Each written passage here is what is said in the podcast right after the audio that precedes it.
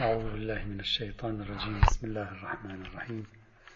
الحمد لله رب العالمين. والصلاة والسلام على سيدنا ونبينا وحبيبنا محمد وعلى آله الطيبين الطاهرين. كنا نتكلم في المحور الثاني من الفصل الأخير وكان حول الاجتهاد المقاصدي والمناطي العللي ودورهما في تكوين المذهب الفقهي أو فقه النظم والنظريات بالمعنى الواسع للكلمة. ذكرنا في هذا الصعيد آه، أمرين آه، في الأمر الأول بعد تمهيد طبعا. في الأمر الأول تحدثنا عن آه، دور هذا الاجتهاد المقاصدي والمناطي في إيجاد الاتساق بين أجزاء المنظومة. وتحدثنا أيضا في مرحلة ثانية عن دوره في إعطاء الشرعية لهذا النمط الاجتهادي وهو اجتهاد النظم أو اجتهاد النظريات. النقطة الثالثة والأخيرة التي أود أن أتكلم فيها اليوم وننهي فيها البحث في آه، خدمات أو نسميه خدمات الاجتهاد المقاصدي والمناطي لفقه النظام وفقه النظرية. في سياق المناقشات التي تواجه مشكلة فقه النظرية أو فقه النظام توجد معضلة دعونا نعبر عنها بمعضلة اختيار الفرضيات. هذه المعضلة تقول أن فقيه النظرية يلاحظ المفردات الجزئية التي تم التوصل إليها. ويريد الآن بعد أن انتهى من المفردات الجزئية المبعثرة التي تم التوصل إليها يريد أن يشكلها كقطع صغيرة يشكل منها لوحة فسيفسائية لوحة كاملة بطريقة تنتظم فيها صورة محددة. السؤال ما هو مرجح فرضية على أخرى؟ يعني أنا هذه الأجزاء الفسيفسائية يعني مثل البازل أنا لنفرض أن بإمكاني أن أشكلها بعشرة أشكال ما المرجح لتشكيلها بشكل على شكل آخر؟ ما هي المرجحات لفرضية على فرضية أخرى؟ بل أصلا لنفرض أنه ليس إلا هذه الفرضية المتوفرة بين أيدينا لتركيب أجزاء هذه البازل. ما هو مرجح هذه الفرضية حتى لو لم يكن لها منافس؟ دعونا نعمق السؤال ونذهب به أبعد من ذلك. لنفرض أن تشكيل عناصر جزئية كون لدينا صورة كلية متناسقة. ما هو الدليل على كون هذه الصورة الكلية المتناسقة؟ هي التي يريدها المولى بحيث يمكننا أن ننسبها إليه. لعله يريد صورة أخرى لم تتشكل أمامنا بفعل عملية التركيب. إذا عندنا إشكال مرة أخرى. ما هو مبرر النسبة هذه المرة للمولى سبحانه؟ بعبارة أخرى أنت عندما حصلت مئة قطعة صغيرة عبارة عن مسائل فقهية متبعثرة وأردت أن تجمع منها تجمعها إلى جانب بعضها بعضا وتكون منها صورة متكاملة هذا التكوين ما هي ما هو حجيته؟ ما هي قيمة هذه الصورة المتبلورة؟ من قال لك أن المولى يريد هذه الصورة التي أنت ركبت أجزاءها؟ من أين عرفت؟ أنت الشيء الذي ثبت عندك بالأدلة هو كل جزء جزء له دليله. أما هذا المكون المتراكم الموجب لتشكيل صورة كلية هذه ما هو دليلها؟ مجرد وجود كل جزء جزء لا يعني أن هذه العملية التجميعية كانت مطابقة للواقع أو أن عليها دليل ليس عليها دليل. الدليل ثابت على الجزئيات. يعني هذه لا دليل عليها. الدليل كان وين؟ كان في الجزئيات فقط. في أجزاء الفسيفساء هذه لا في الصورة التركيبية. كيف تنسب أنت هذه الصورة التركيبية للمولى؟ إذا هذه إشكالية إشكالية تبرير الفرضية. إشكال الفرضية الكلية. إشكالية اختيار هذه الفرضية نسبة هذه الفرضية. ما شئت فعبر. نحن أمام مشكلة تبرير نسبة. اختيار الفرضية. أي شيء من هذه التعابير تريد لا بأس. كل ما دلت الأدلة عليه هي الجزئيات هذه المسألة الفقهية عليها دليل تلك المسألة الفقهية عليها دليل تلك المسألة الثالثة عليها دليل. عملية التركيب التي أنت بذهنك الخاص قمت بها أين دليلها؟ مجرد أنه تم التركيب بهذه الطريقة لا يصحح النسبة. هذه نقطة مهمة وأساسية وجذرية في مثل هذا الموضوع. ينبغي الالتفات إليها هنا. طيب. بل ثمة إشكالية أخرى أيضا نضيفها إلى هذه الإشكالية. تواجه فقه النظرية والنظام. وهو إذا كانت هذه الصورة التناسقية المتناغمة هذه الصورة الكاملة لهذه اللوحة الفسيفسائية التي قام فقيه النظرية بتشكيلها نتيجة جهد كبير. إذا كانت هذه الصورة جزءا من الشريعة لماذا لم يكن أسلوب الأنبياء والأئمة في تبيين الشريعة بهذه الطريقة؟ أصلا لماذا لم يبينوا هذا هذا المشهد من الشريعة؟ لماذا كانوا يبينون الجزئيات؟ لم يكونوا ليبينوا هذه الصورة الكلية المتناسقة. هذا سؤال جاد. إذا كانت الصورة الكلية المتناسقة جزءا من الشريعة جوهر التشريعات غاية التشريعات ملحوظة للمولى عند التشريع. لماذا لم يقم مبينو الشريعة بتوضيحها؟ لماذا فقط اقتصروا على توضيح الجزئيات؟ إذا كانت الصورة الكلية جزءا من الرسالة التي يريدون إيصالها إلينا ونحن نجتهد لنصل إلى هذه الرسالة. حسب ما يقول مدعو فهم الشريعة على وفق فقه النظرية أو فقه النظام أو عملية الاجتهاد على وفق فقه النظرية. وفقه النظام. إذا كانت هذه الصورة الكلية جزءا من الرسالة التي يريد الرسل والأنبياء والأوصياء أن يوصلوها إلينا لماذا غاب تبيينهم لها؟ لماذا لم يكن في لسانهم هذا النوع من التبيين؟ بمعنى لماذا لم يكن لديهم تبيين انتظامي منظومي للشريعة؟ فقط كان تبيينهم تبيين بعثرة جزئي تفكيكي مسائلي سؤال وجواب. هذا سؤال يستحق أن يطرح. هذا تحد كبير أمام فقه النظرية وأمام فقه النظام. إذا عندنا مشكلتين متتابعتين هنا الآن. المشكلة الأولى هذه الصورة الكلية النظرية النظامية المنظومية ما شئت فعبر التي يتوصل إليها فقيه النظرية أو فقيه النظم. هذه الصورة ما الدليل على نسبتها للمولى؟ ما الدليل على حجيتها؟ ما الدليل على إرادة المولى لها؟ ما هو المرجح لاعتبارها جزءا من الشريعة؟ هذا أولا ثانيا هذه الصورة لو كانت جزءا من الشريعة لو كان المولى يريدها لو كانت جزءا من رسالته لماذا لم يقم متولو بيان هذه الشريعة بتبيين هذه الصورة الكلية؟ لماذا كان دأبهم دائما على تبيين جزئيات مبعثرة لماذا هذا الإصرار من القرآن ومن السنة على أن يبينوا الدين بشكل مبعثر جزئي وليس بشكل نظامي كلي سيستماتيك؟ هذا ما تفسيرنا له. طبعا أنا هنا لسنا بصدد أن نبحث في فقه النظرية وفقه النظام. أنا كل هدفي أن أطرح هاتين الإشكاليتين لكي نقول كيف أن فقه الاجتهاد المقاصدي والاجتهاد المناطي يستطيع أن يخدم فقه النظام والنظرية في حل هاتين المشكلتين. هذا هو هدفي. ليس بحثنا في فقه النظام كما قلت في البداية. طيب. قبل أن أشرع في تقديم ما أعتبره مساهمة فاعلة من الاجتهاد المقاصدي والمناطي في الجواب عن هاتين المشكلتين أريد أن أشير إلى أن المشكلة الثانية كان قد انتبه لها السيد الشهيد الصدر وهو من رواد مشروع فقه النظرية. أين انتبه لها؟ انتبه إليها في كتاب المدرسة القرآنية عندما كان يبحث في التفسير الموضوعي والتفسير التجزيئي ونتائج هذين التفسيرين.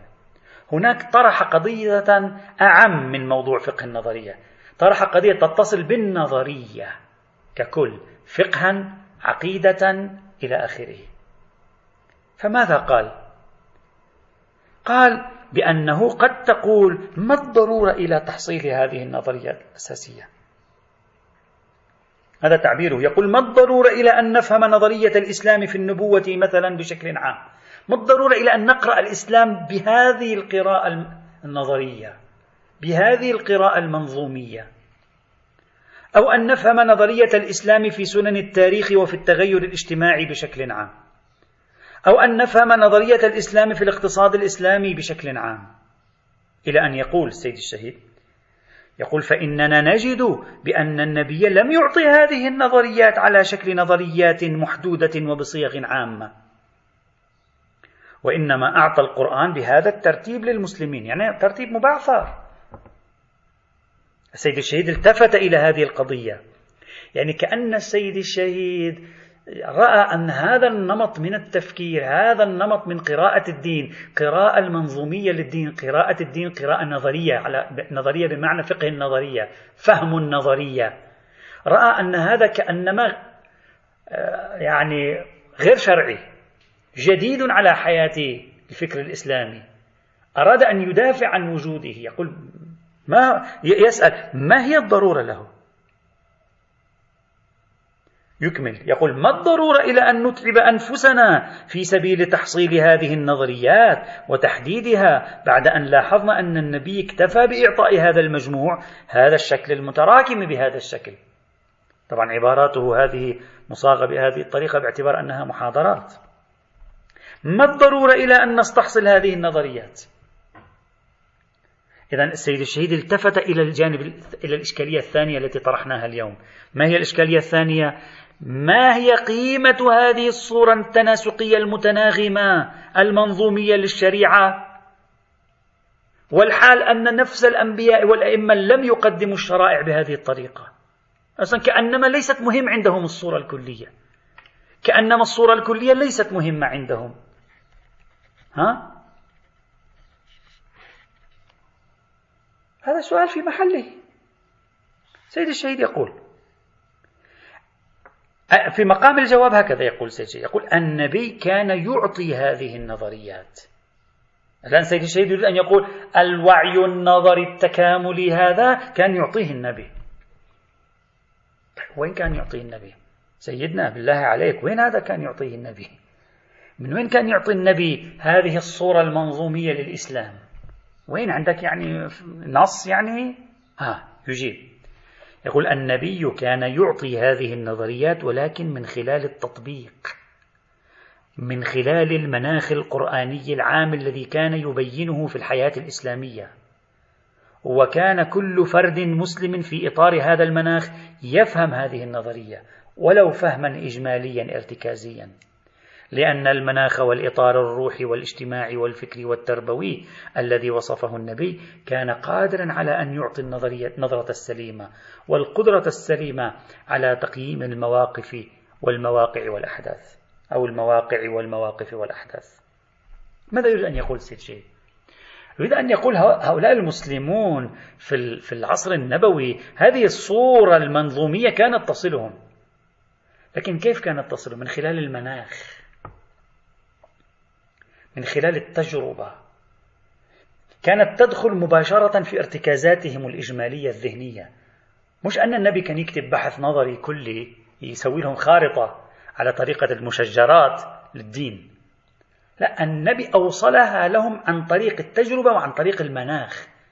من خلال مراكمة هذه التجارب وصناعة هذا المناخ هم التقطوا هذه النظرية. هم التقطوها ليسوا بحاجة إلى أن يدونوها. التقطوها التقاطا إجماليا ارتكازيا تراكميا.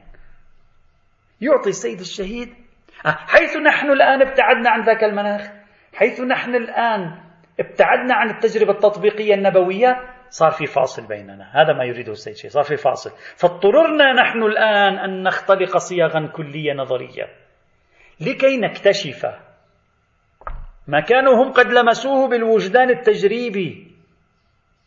وهذه التفاتة في غاية الأهمية للسيد الصدر. يعطي مثال السيد الصدر. مثال حقيقة يقرب الفكرة وممتاز. مثاله ما هو؟ مثاله حالة إنسان يعيش داخل عرف لغة معينة وإنسان خارج إطار هذا العرف ويريد أن يفهم هذه اللغة. فماذا يقول؟ يقول إذا أردنا أن نقرب هذه الفكرة نقول حالة بين حالتين.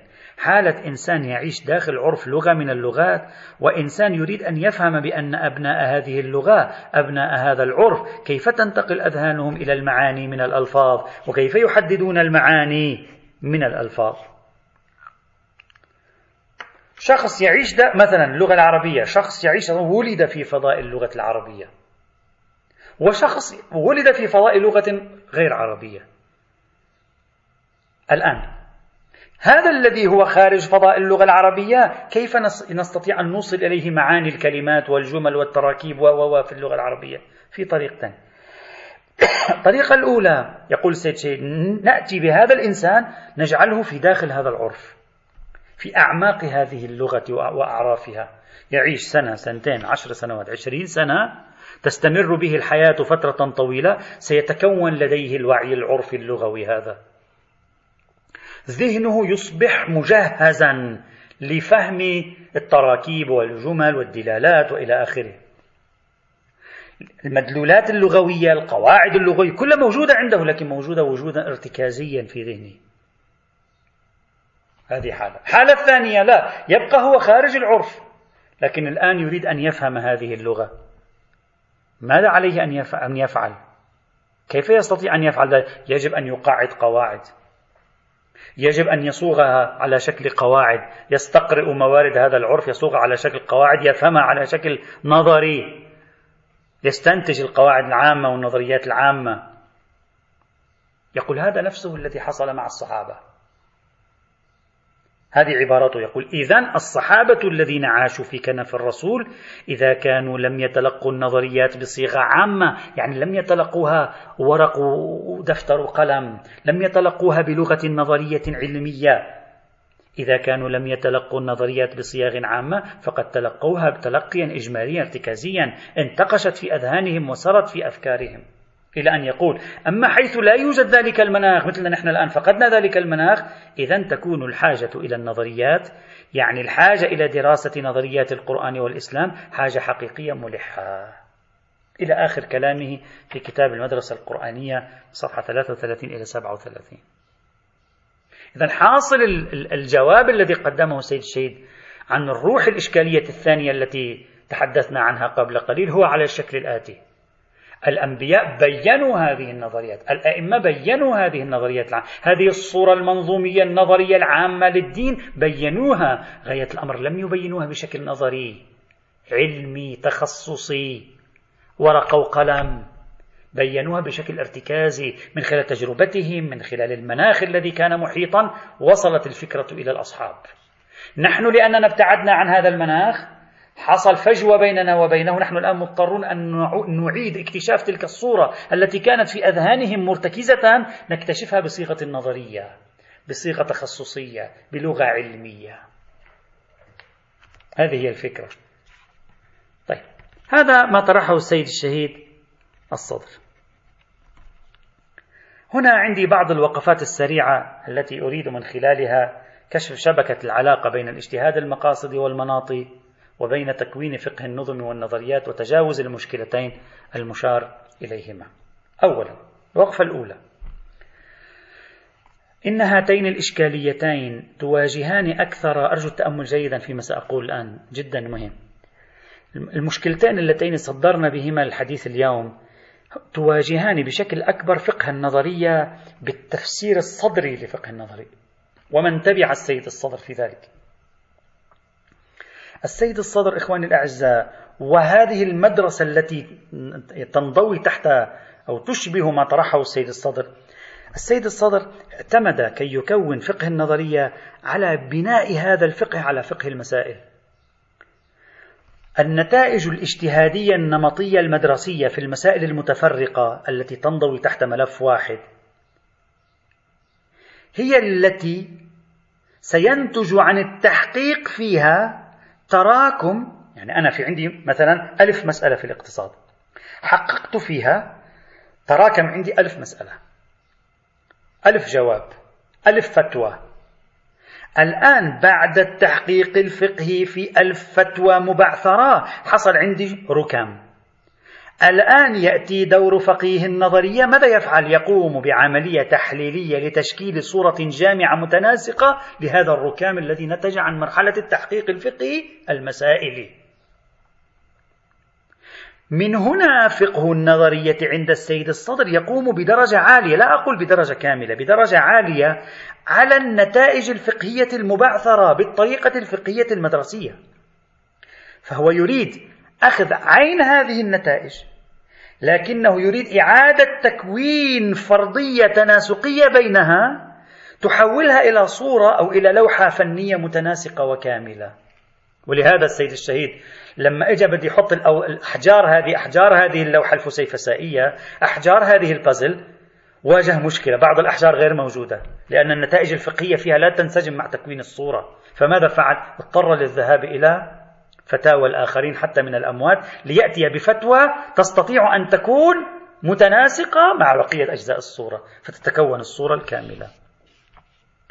هذا هو جوهر فقه النظرية يعني ميكانيزم فقه النظرية عند السيد الصدر بنسبة 90% دعني أقول دعوني أقول هي هذه.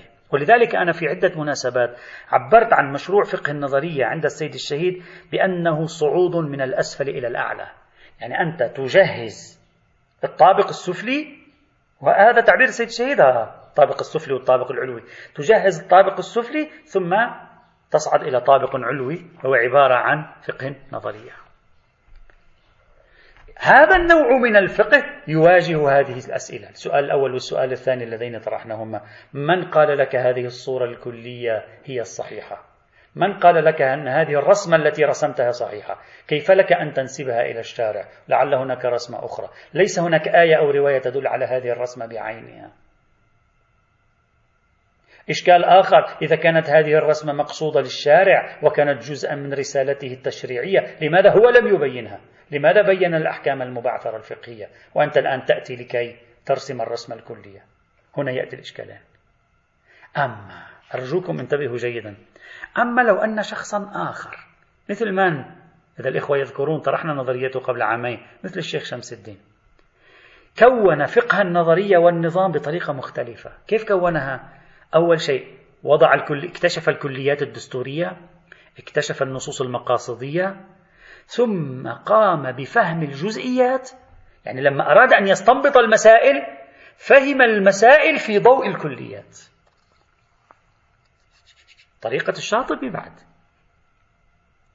مثل هذا الشخص لا يواجه بالضبط ما واجهه السيد الصدر. لماذا؟ لأن النتائج الفقهية سوف تتكون عنده منذ البداية بطريقة ملتئمة مع الكليات والمقاصد.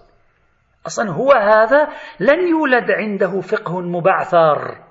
حتى يكون نشاط فقيه النظرية هو تحويل هذه البعثرة إلى انتظام عبر وضع نظارات جديدة في فهم شبكة العلاقة بين المفردات والجزئيات.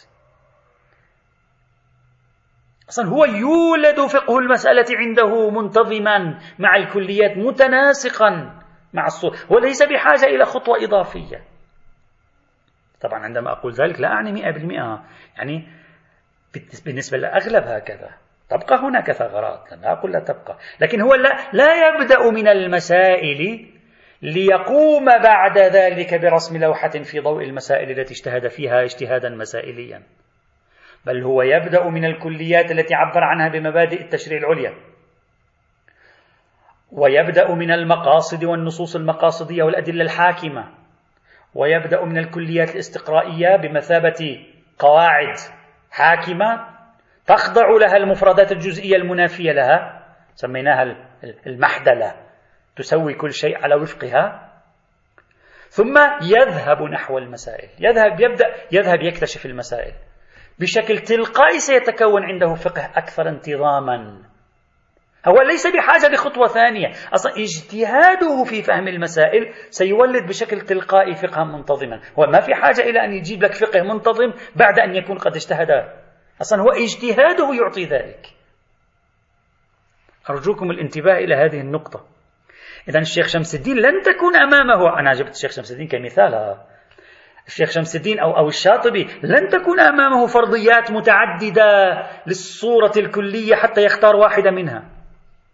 لن يكون أمامه مسائل مبعثرة حتى يقوم برسم خارطة لها ثم يسأل من أين أتيت بهذه الخارطة؟ أين هي الرواية الدالة عليها يقول ما في أنا خارطة ما جبت خارطة من عندي لم أقم أنا برسم خارطة. الاجتهاد في المسائل هو أصلا شكل لي الخارطة. مش أنا بعد أن اجتهدت في المسائل بدأت جهدا جديدا لتشكيل اللوحة الفسيفسائية. أصلا أنا بعد أن انتهيت من الاجتهاد من المسائل خذ بخذ بالتعبير الفارسي بشكل تلقائي تكونت الرسمة أصلا.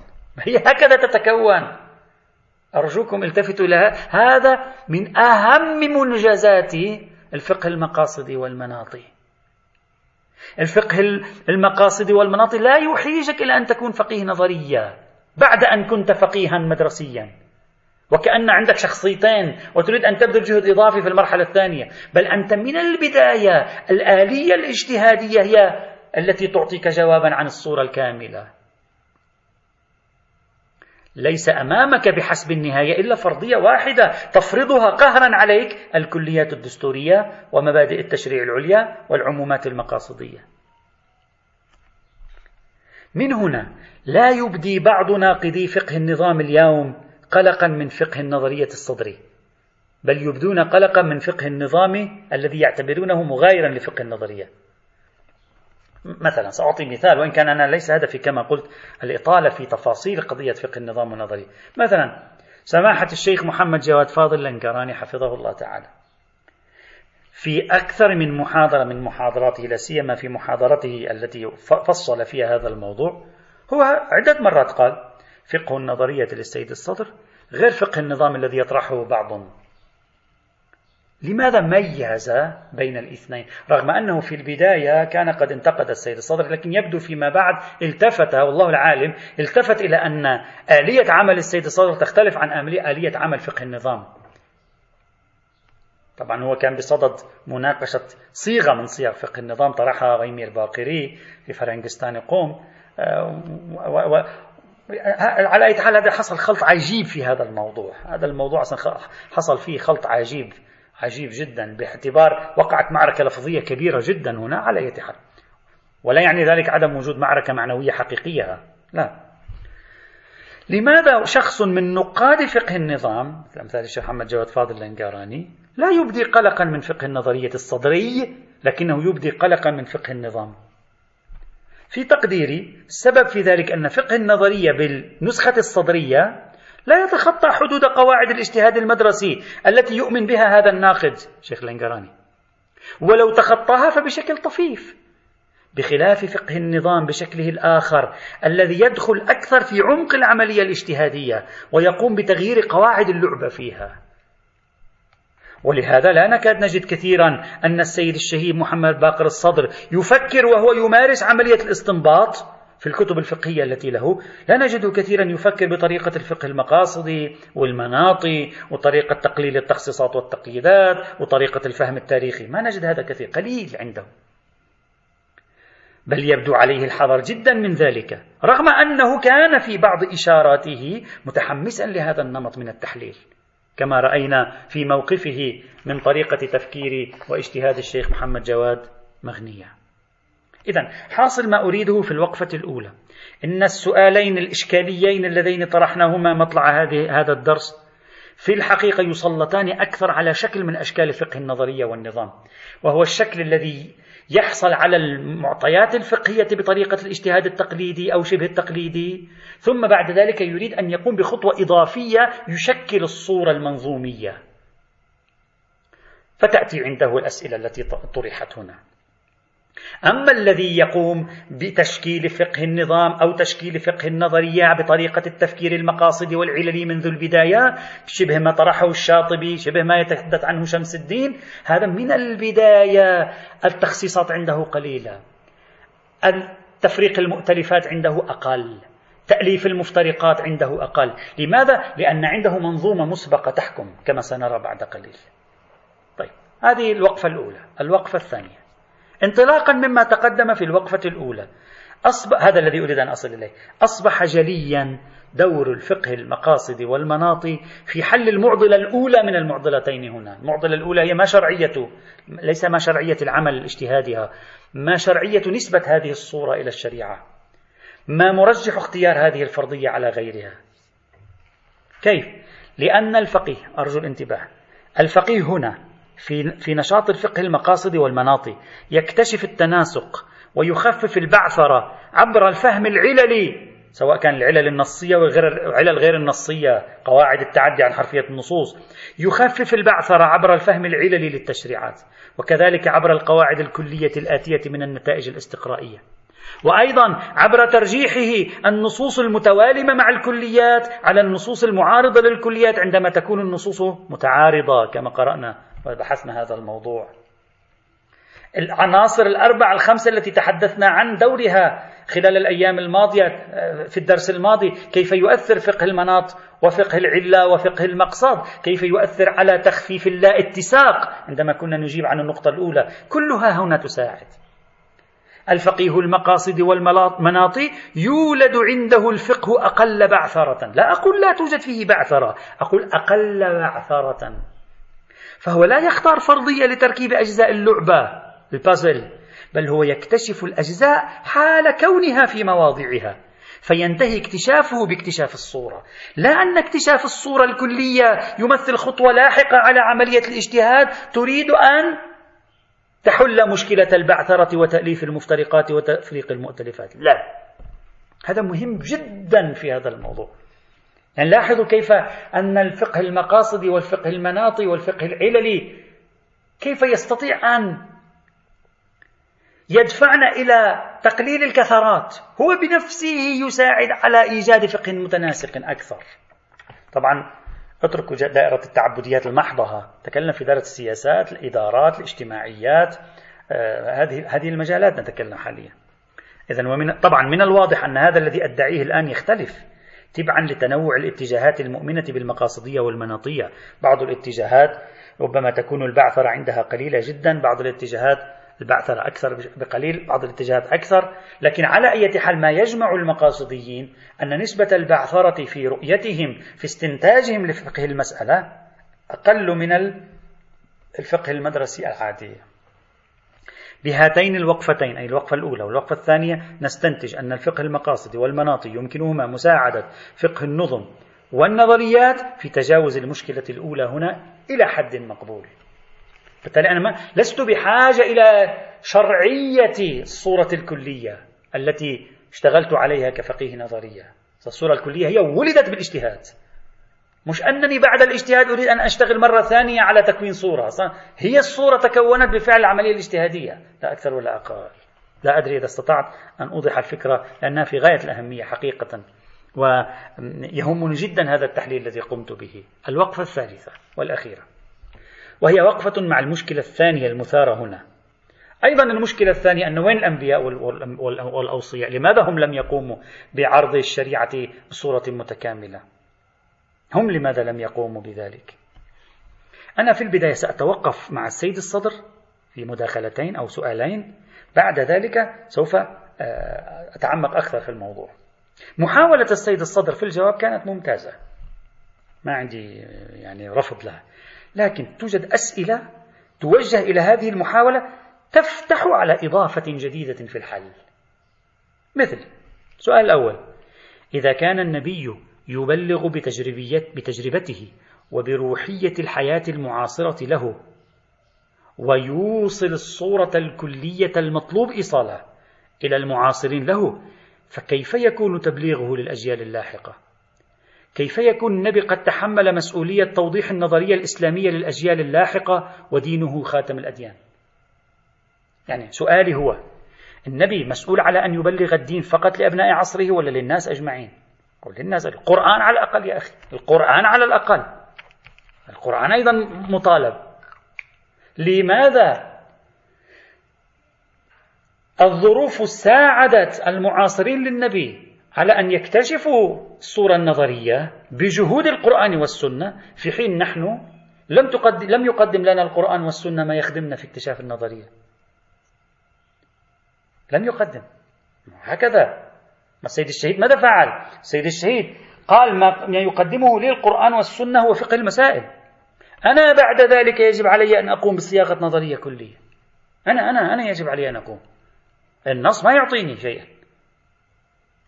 ولذلك جاء الإشكال عليه. من أين إذن جئت بهذه الصورة؟ ومن ومن قال لك أن النبي أصلا مهتم لهذه الصورة الكلية، ومن قال أنها أنه يريدها هذه الصورة، لو كان يريدها لبينها. فقال نعم هو بينها بتجربته وبالمناخ الذي صنعه. طيب بالمناخ الذي صنعه بينها في زمانه، لنا كيف بين؟ لا أدري. هو لم يذكر نصا والمفروض هكذا لم يذكر نصا يبين الصور الكلية والقرآن لم يذكر نصا يبين الصور الكلية. اذا بالنسبة إلينا كيف يكون قد بين؟ والمفروض أنه مطالب كتابا وسنة مطالبان بأن يبينوا للأجيال اللاحقة هل بينوا وزالت أو لا؟ كيف القصة؟ هذا السؤال الأول. السؤال الثاني. لو حللنا الطريقة التي أجاب بها السيد الصدر عن المشكلة لواجهنا سؤالا جديدا. وهو أصلا أعمق من السؤال الأول. كيف حصل المسلمون المعاصرون لزمن النبي على هذا التصور الكلي للشريعة؟ يعني الميكانيزم هذا كيف حصل؟ يعني ما الذي جعلهم يرتكز في ذهنهم صورة كلية عن الشريعة؟ أصلا النبي كيف قدم لهم ذلك؟ ما الخطوات المتوقع أن النبي قام بها فقدم لهم هذه الصورة؟ دعوني أوضح الفكرة أكثر. السؤال لأنه أدق من الأول. الفكرة التي أوضحها السيد الصدر والمثال اللغوي الذي تحدث عنه في غاية الأهمية. لكن يبقى هنا سؤال. كيف تسنى للمسلم المعاصر للنبي أن يكتشف الصورة الكلية من النصوص والتجربة؟ كيف اكتشفها؟ هو كيف اكتشفها؟ ما هي العناصر التي كانت بين يديه ونحن افتقدناها؟ لماذا نحن لا يمكننا أن نعيش شيئا من هذا القبيل؟ فتنتقش الصورة الكلية في أذهاننا. كما انتقشت في أذهان الصحابة وأصحاب الأئمة؟ هذا سؤال مشروع أيضا. الآن أرجوكم انتبهوا معي جيدا. أعتقد بأن السيد الصدر لو ذهب هنا في مسالك المقاصديين والمناطيين والعلليين وأمثالهم وتوسع في قواعد تخريج المناط وتنقيح المناط ومناسبات الحكم والموضوع لربما أمكنه أن يعمق الجواب. جوابه صحيح لكن يمكن تعميق الجواب. وذلك أن التفكير المقاصدي والعللي يقول يقول لي ويخبرني بأن المسلمين الأوائل كانوا يفهمون بوعيهم البشري بوعيهم العقلاء بوعيهم العفوي الكثير من المناطات والملاكات والمعايير. وكانوا أنشط منا في إلغاء الخصوصيات وتخريج المناطات وإعمال المذاقات الشرعية والاهتمام بالتعليلات وأخذ الكليات الاستقراء أصلا كيف حصلوا على هذا المناخ؟ غير بالاستقراء غير بالمذاق الشرعي غير بتنقيح المناطات.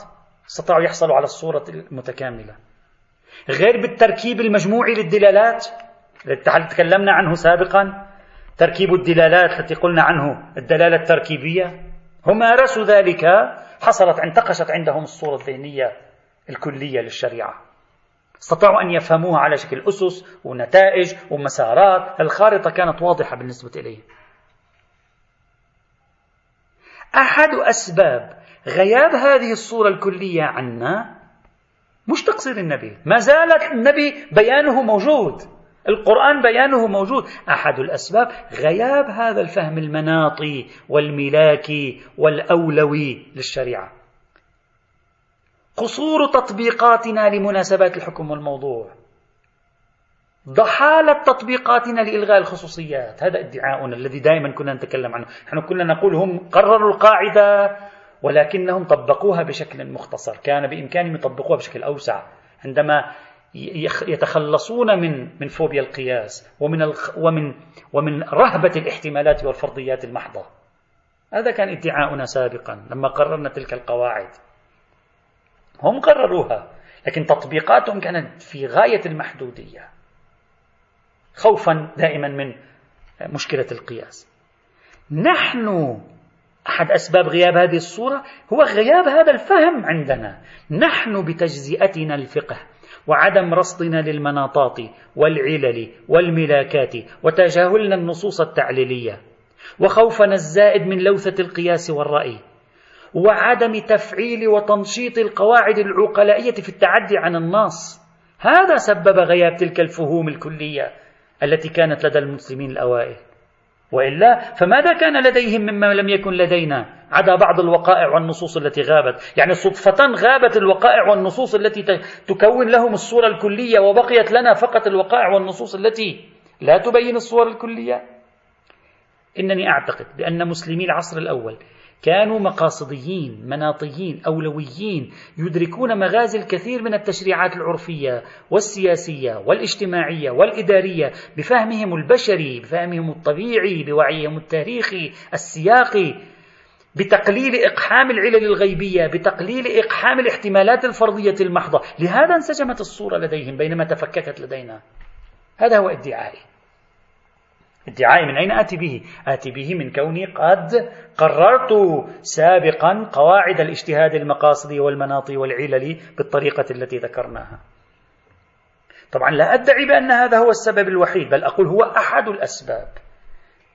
في في أننا اليوم لا نشعر بأن فقه الفقه المنظومي غير واضح، لذلك لاحظوا إخوان الأعزاء منذ مئة سنة إلى اليوم يعني بالضبط منذ الميرزا النائيني والشيخ والشيخ محمد عبده بداية القرن العشرين. إلى اليوم لاحظوا العلماء المسلمين لما بدأوا ينشطون على فهم الشريعة فهما منظوميا.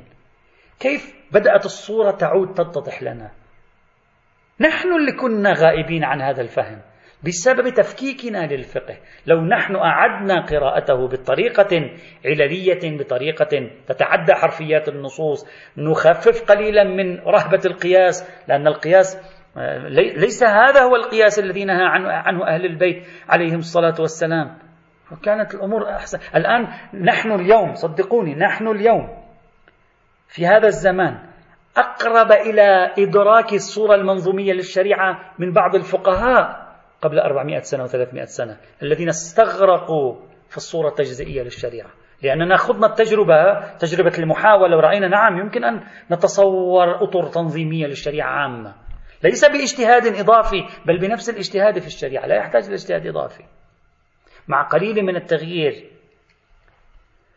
إذا لكي تعود لنا الصورة يجب أن نفهم الأمور بطريقة أكثر عقلائية. تبتعد عن الأسرارية حيث لا دليل على الأسرارية. نعم نحن لا ننفي الأسراريات. حيث تكون ممكنة إمكانا وقوعيا عقلائيا مثل باب التعبديات المحضة. ما في مشكلة. قيام قرائن معطيات على شيء غريب عن خبرة البشر أم لا بأس. ما عندنا مشكلة في ذلك. وعلى أي حال حاصل الجواب عن الإشكاليتين يعني المثارتين هنا اللي أثرناهما في بداية درس اليوم أنه إن هاتين الإشكاليتين تنطلقان من فقه نظرية ونظام مبني على فقه تفكيك تجزيئي نمطي من قبل. بينما لو بني الفقه من قبل على فقه مناطي ملاكي عللي يتخطى حرفيات النصوص ضمن القواعد الفهمية التي قررناها سابقا لا بطريقة عشوائية. لرأينا أن هاتين الإشكاليتين تلقائيا سوف تنسحبان. ولرأينا أن النبي والأئمة قد بينوا الصورة المنظومية. غاية الأمر أن طبائع الأديان لا تبينها بشكل تخصصي تبينها بشكل تجزئي. لا يعني الشكل التجزئي أنها مفردات بل يعني الشكل التجزئي أنك لو اعتمدت المنهج الذي ندعيه لرأيتهم يعبرون عن الصورة الكلية. لكن لأنك اعتمدت منهجا آخر تفكيكيا رأيت الآن أنهم لا يبينون صورة كلية. فالمشكلة فينا وليست المشكلة في بيانهم والدلالات التي قدموها لنا. أكتفي بهذا القدر من التعليق على موضوع الترابط أو على موضوع الخدمات التي يمكن أن يقدمها الاجتهاد المقاصد والعلل والمناط وأدواتهما في تكوين فقه النظريات والنظم القائم على التناسخ والاتساق طبعا كما قلت دائما بالمعنى الواسع لمصطلح فقه النظريات والنظم بعيدا عن التفاسير الخاصة هنا وهناك لأنني في الحقيقة ما بين غيمر باقر وما بين غي لانجراني رأيت أن بعض ما طرحه الشيخ اللنجراني إيرادا على غيمر باقر في محاضرته المعروفة صحيح يرد. لكن بعضه لا يرد. لا أريد أن أدخل في التعاريف الجزئية لفلان وفلان بقدر ما أريد أن أتكلم في الإطار العام الذي يخدم آه، قضيتي هنا في موضوع الاجتهاد المقاصدي والمناطي لأن بحثنا ليس في آه، كما قلت ليس في موضوع الاجتهاد اجتهاد النظريات أو اجتهاد أو فقه النظم وما شابه ذلك. إذا المحور الأول كان عبارة عن تأثير الاجتهادات المناطية والعللية. في آه، في باب تقويم الأدلة الجزئية وتعارضها. المحور الثاني دور الاجتهاد المناطي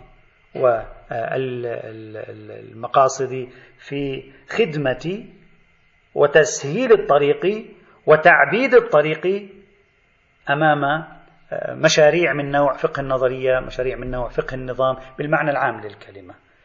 المحور الثالث يأتي إن شاء الله. تعالى والحمد لله رب العالمين.